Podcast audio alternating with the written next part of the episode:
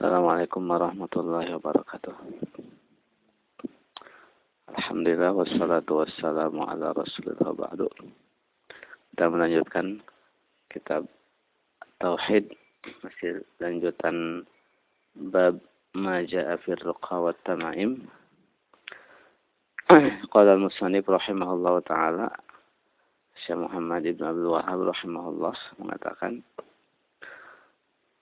Warwal Imam Ahmad Al-Imam Ahmad meriwayatkan an Ruwaifi' dari Ruwaifi' Qala berkata Qala li Rasulullah sallallahu alaihi wasallam Rasulullah sallallahu alaihi wasallam berkata kepada saya Ya Ruwaifi' La'ala al-hayata satatulu bika Fa'akhbirin nasa anna man lihyatahu Aw taqallada wataran أو استنجى bi دابة أو عزم فإن محمدا بريء منه. Rasulullah Shallallahu Alaihi Wasallam berkata kepada kepada saya,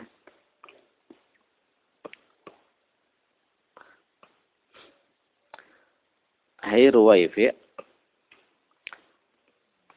uh, bisa jadi kamu ini kamu ini panjang umur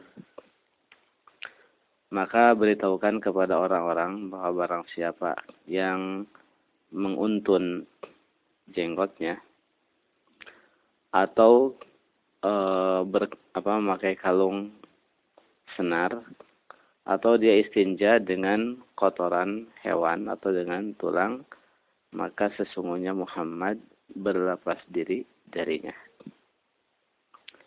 Di sini Rasulullah SAW mengatakan kepada Ruwaifi ibnu Sabit tindakan-tindakan yang mana Rasulullah SAW berlepas diri dari dari orangnya. Yang pertama adalah orang yang akodalihyatahu, orang yang menguntun jenggotnya. Di sini ada dua makna. Imam Al-Khattabi menafsirkan makna akdilihya adalah yang pertama maka nu yaf'alunahu fil harbi kanu yaqiduna lihahum. Apa yang biasa mereka lakukan dalam peperangan di mana mereka menguntun jenggotnya. Itu orang-orang apa? Yahudi itu kan. Kenapa? Wadzalika min ziyyi ba'dil a'ajim. Itu ada termasuk eh, apa? Penampilan sebagian orang-orang ajam. Di mana mereka melakukan hal itu dalam rangka takaburon, dalam rangka kesombongan. Itu makna pertama. Makna kedua, makna aqdil ya adalah mu'alajatu asy-sya'ri liyata'aqqada wa yataja'ada. Wa dzalika min fi'li ahli ta'nis. Uh, apa? Uh, mengolah rambut ya, supaya jadi keriting di kribo. Apa namanya? Ini kita? Ya. Bonding. Bonding. Hah? jadi yang penting dibikin apa? E, tajaud. Tajaud itu orang keriting. Maka disebut al ja'du sya'ri. Orang yang keriting rambutnya. Itu e, nah ini orang rambut lurus dibikin apa? Keriting Kenapa tidak boleh? Karena itu termasuk perbuatan banci. Gitu kan. Berarti di sini kepada laki-laki. Atau takol ada wataran. Orang pakai kalung senar. Biasa itu orang e, pakai kalung senar dalam rangka apa? Jimat. Ya, kan bukan kalung senar aja cuma identik zaman itu pakai apa? Kalung senar bekas apa e, busur. Ya, kalau sekarang pakai apa? Maunya apa? Gelang apa? Ya ajimat ajimat kan ada sabuk sunan kalijaga kan atau apa gelang. Hah? Eh, kalau dalam untuk ajimat ya masuk. Jelas apa saja gitu kan cuma Eh, Rasulullah kan memberikan contoh apa yang banyak beredar uh, saat itu. Karena termasuk apa? Ajimat kan.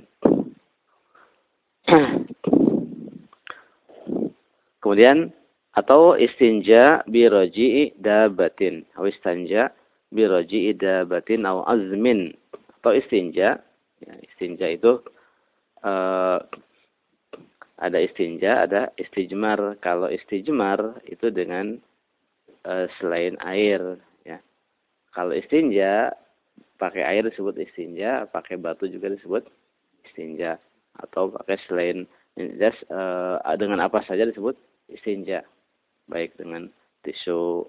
Nah kalau uh, apa istijmar selain air disebut istijmar. Di sini istinja dengan kotoran hewan atau dengan tulang. Kenapa uh, Rasulullah SAW berlepas diri darinya? Uh, ada dua tafsiran di sini dalam hadis sahih, hadis sahih Muslim, Rasulullah mengatakan la, la tastanju birrausi wala al-idham fa innahu zadu ikhwanikum minal jin. Jangan kalian istinja dengan raus dengan kotoran hewan walal idham dan tidak boleh juga dengan tulang. Kenapa? Karena ia adalah bekal saudara kalian bangsa jin. Makanan e, kotoran unta itu e, tidak boleh kotoran kambing. Kenapa? Bukan karena najis, kalau di sini kan bukan karena najis, tapi karena apa? E, bekal. Kenapa? Karena e, kalau kotoran unta kan tidak najis ya. Kotoran kambing tidak najis. E, di mana dalam hadis yang lain bahwa ketika e, jin itu melewati tulang atau apa e, kotoran itu, maka tulang jadi ada dagingnya lagi si kotoran e, kambing atau yang lain itu menjadi apa kacang lagi makanan buat hewan mereka. Gitu. Apa? Zad ikhwanikum. Kan bukan jin yang makan kotoran kan? Tapi maksudnya si e, kotoran itu kembali jadi kalau itu rumputnya atau jadi kalau hewannya makan kacang jadi jadi jadi alatnya jadi pakannya lagi. Kembali sebagaimana daging apa tulang yang sudah tidak ada dagingnya kembali ada dagingnya. Itu alasan uh, yang disebutkan dalam hadis Sahih Muslim. Juga dalam hadis yang lain hadis Ibnu Huzaimah ada rukutni dari Abu Hurairah radhiyallahu taala anhu anna Nabi sallallahu alaihi wasallam naha ayyustanja bi'azmin aw rawsin wa qala innahuma la yutahhirani uh, Rasulullah melarang istinja dengan tulang atau dengan raus. Raus itu kotoran keledai. Gitu kan. Kalau ba'run, kotoran ba'ir, kotoran uh, unta. Kalau kotoran keledai apa? Najis kan? Kenapa? Keledai haram kan dagingnya. Di sini kenapa tidak boleh istinja dengan keduanya? Karena alasannya innahuma la yutahhiran karena keduanya tidak bisa mensucikan. Ini merupakan ilat. Ilat alasan tidak boleh istinja dengan dua hal ini. Alasannya kenapa? Tidak bisa mensucikan. Eh, karena ini ilat alasan hukum, maka dikiaskanlah kepadanya segala sesuatu yang tidak bisa mensucikan. Kenapa e, tulang tidak bisa mensucikan? Kenapa? Amlas. Amlas itu apa? Licin. Ya, menyerap nggak? Berarti yang semacam tulang, yang licin yang tidak menyerap, tidak bisa juga seperti apa? Plastik, kaca, kan? Ya, licin kan? Tidak menyerap. Atau raus, kenapa? Najis, berarti segala yang najis. Itu namanya e, ketika Rasul melarang sesuatu, terus menyebutkan alasannya, berarti alasan itu merupakan ilat hukumnya. Nah, ilat hukum itu menjadi eh, apa bisa dikiaskan kepadanya sesuatu yang tidak disebutkan dalam nas karena kias adalah ilhaqu al far'i bil asli fi hukmin li'illatin jami'ah meng, apa, menye, menggabungkan hukum cabang yang tidak ada dalam nas kepada yang yang disebutkan dalam nas itu asal di sini asal tulang kan yang tidak disebutkan kayak kaca ya beling apa e, plastik kan tidak disebutkan disama ini disamakan dengan tulang dalam hukumnya tidak boleh istinja. Kenapa? Alasannya karena kedua-duanya sama-sama tidak mensucikan. Itu namanya kias.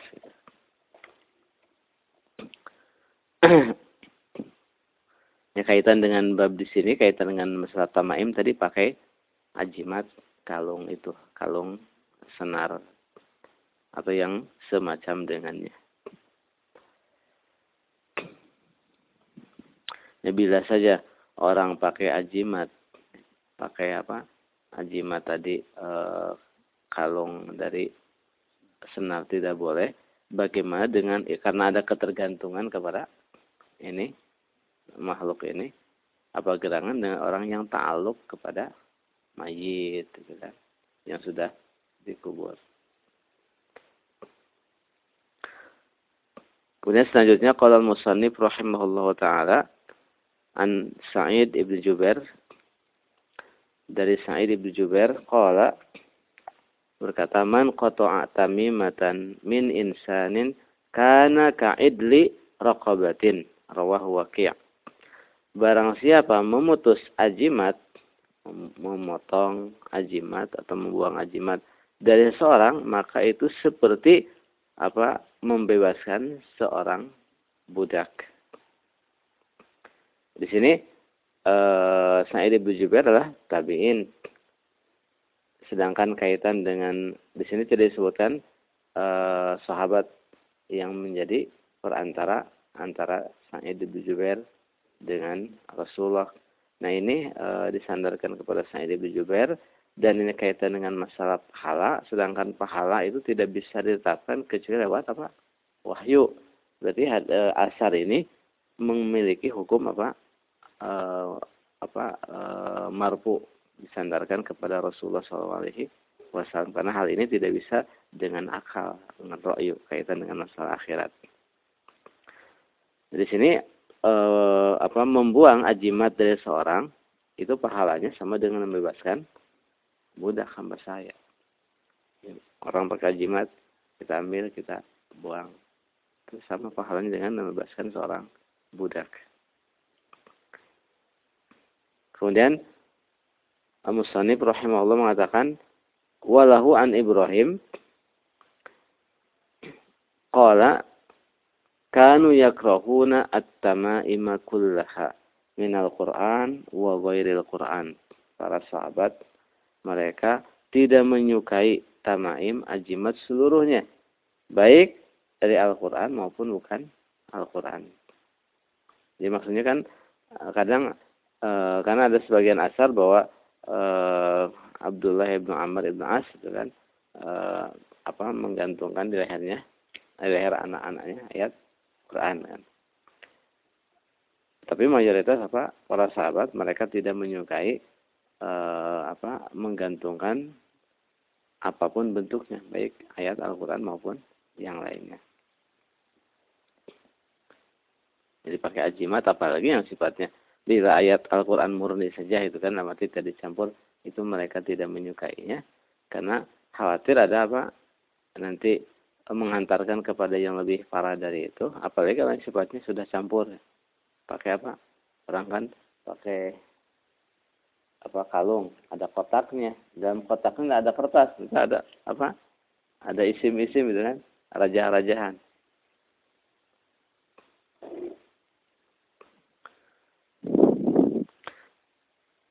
Kemudian masail dalam dalam bab ini pertama tafsir ar-ruqa wa tamaim.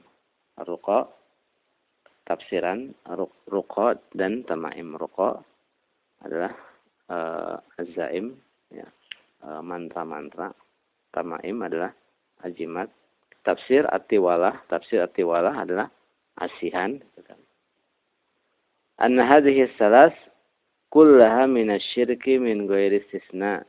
Wa tiga hal ini seluruhnya termasuk kemusyrikan. Tergantung kan ada syirik akbar, ada syirik asgar sesuai dengan motif masing-masing. Kemudian anna ruqyata bil kalamil haq minal aini wal humah laisa min zalika. Bahwa ruqyah dengan ucapan yang hak karena dalam rangka meruqyah karena ain atau karena bisa itu tidak termasuk ruqa yang dilarang.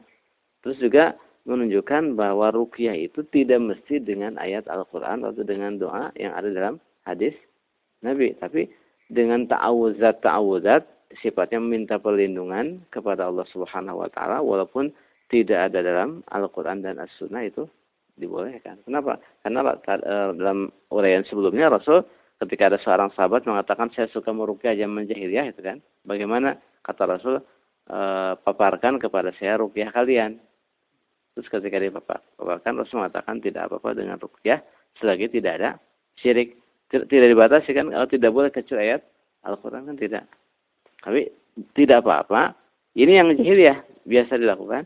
Tidak apa-apa selagi tidak ada syiriknya. Kemudian an tamimah idza kanat minal Qur'an faqad ikhtalafa ulama hal hiya min dzalika amla. Ajimat ya maksudnya tamimah ya. Kalau dari ayat Al-Qur'an ulama telah berselisih. Ada yang mengatakan itu masuk tamimah, ada yang mengatakan bukan. Kemudian anna ta'liq al-awtar 'ala dawab 'anil 'aini min dzalika bahwa menggantungkan uh, senar di leher hewan untuk menghindari ain itu apa termasuk tamaim. Terus juga ini menunjukkan bahwa hewan juga bisa kena ain. Bisa kena ain. Bahkan bukan hewan saja, eh, apa namanya makanan. Bahkan disebutkan dalam dalam apa dalam kitab-kitab bahwa e, seorang perempuan kalau sedang haid itu memegang e, susu itu kan basi jadi jiwa pengaruh jiwa itu. Kan. makanya kan dalam surat al-kahfi walau la iz dakhalta jannataka qulta masya Allah. Apa? Ketika masuk melihat sesuatu yang indah itu kan maksud tanaman kita jangan mengatakan waduh indahnya atau bagusnya itu kan. Enggak. Dianjurkan apa? Tasbih kan? Atau yang sifatnya zikrullah. Makanya kan Utsman ibnu Affan ketika ada seorang e, bayi itu kan e, isnya montok itu kan terus ada lesungan kan. Jadi perhatian orang kan ditutup kan lesungannya supaya apa? Tidak menjadi pusat perhatian orang. Kan nanti orang pada muji oh montok oh apa? Cakep. Akhirnya kan sering sakit. Makanya bayi sering sakit panas bukan karena kena apa e, kena virus kenapa apa itu karena banyak orang yang mengunjungi itu senang terus takjub. Bukan karena hasud tapi karena takjub. Karena ain itu bisa karena hasud bisa karena takjub dan itu kepada siapa saja apa e, e, kena dan bisa sampai orang pingsan kan ada sahabat sedang mandi kelihatan kulitnya apa? Mulus. Sahabat yang lain memujinya gitu kan. Oh, mulus sekali, langsung pingsan kan. Kemudian dilaporkan kepada Rasulullah, Rasulullah memarahi orang yang ini. Terus dia disuruh apa? Mandi. Si orang yang tadi yang apa? Mengucapkan suruh mandi di wadah. Maksudnya di kalau dikira di baskom, ya mandi di baskom, buyur, dalamannya. Nanti airnya ditumpahin disembuhin ke orang yang kena ain itu langsung sembuh seketika kan kalau orang apa hubungannya gitu kan nggak masuk akal padahal masuk akal sekarang orang uh, eh, HP ya bluetooth kan jauh kan? Ya. Kok bisa? Nggak usah jauh-jauh juga. Ibnu Qayyim dalam apa Atib Nabawi. Atau bahkan di di kita juga itu kan. Uh, di kita juga uh, ada apa kalau untuk orang supaya kalau kena sengat jengking atau ular supaya pengaruhnya lemah si ular yang habis menggigit mem, apa mematuk itu langsung bunuh dia langsung bunuh itu pengaruh racunnya akan akan berkurang kenapa karena dia mengeluarkan racun ketika nafsu sedang apa tinggi. Nah, ada kontak udara antara racun yang di dalam tubuh yang masuk ke dalam tubuh orang itu dengan jiwa ular tersebut. Nah, kalau ularnya dibunuh, pengaruhnya hilang.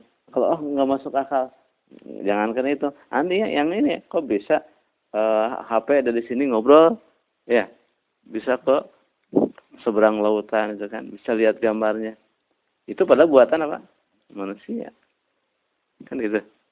Kalau orang nggak apa bilang kamu masuk akal seperti itu memang di hadisnya gitu dan juga faktanya seperti seperti itu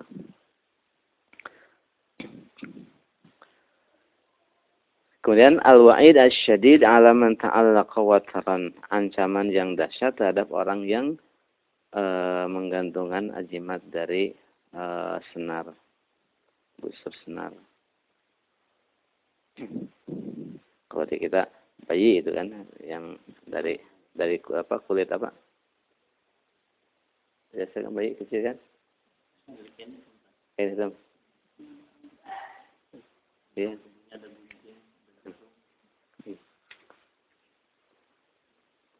Kemudian fadlus sawab biman qata'a tamimatan min insan.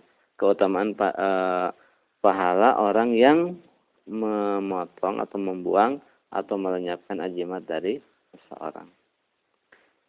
Kemudian anna kalam Ibrahim la yukhalifu ma taqaddama min al-ikhtilaf muradahu ashaba Abdillah. E, bahwa ucapan Ibrahim, tadi Ibrahim An-Nakhai tidak menyelisih apa yang telah lalu berupa perselisihan para ulama tentang uh, tamaim dari ayat Al-Qur'an.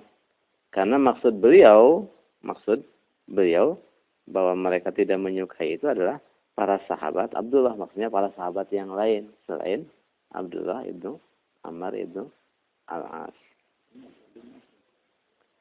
Abdullah ibnu uh,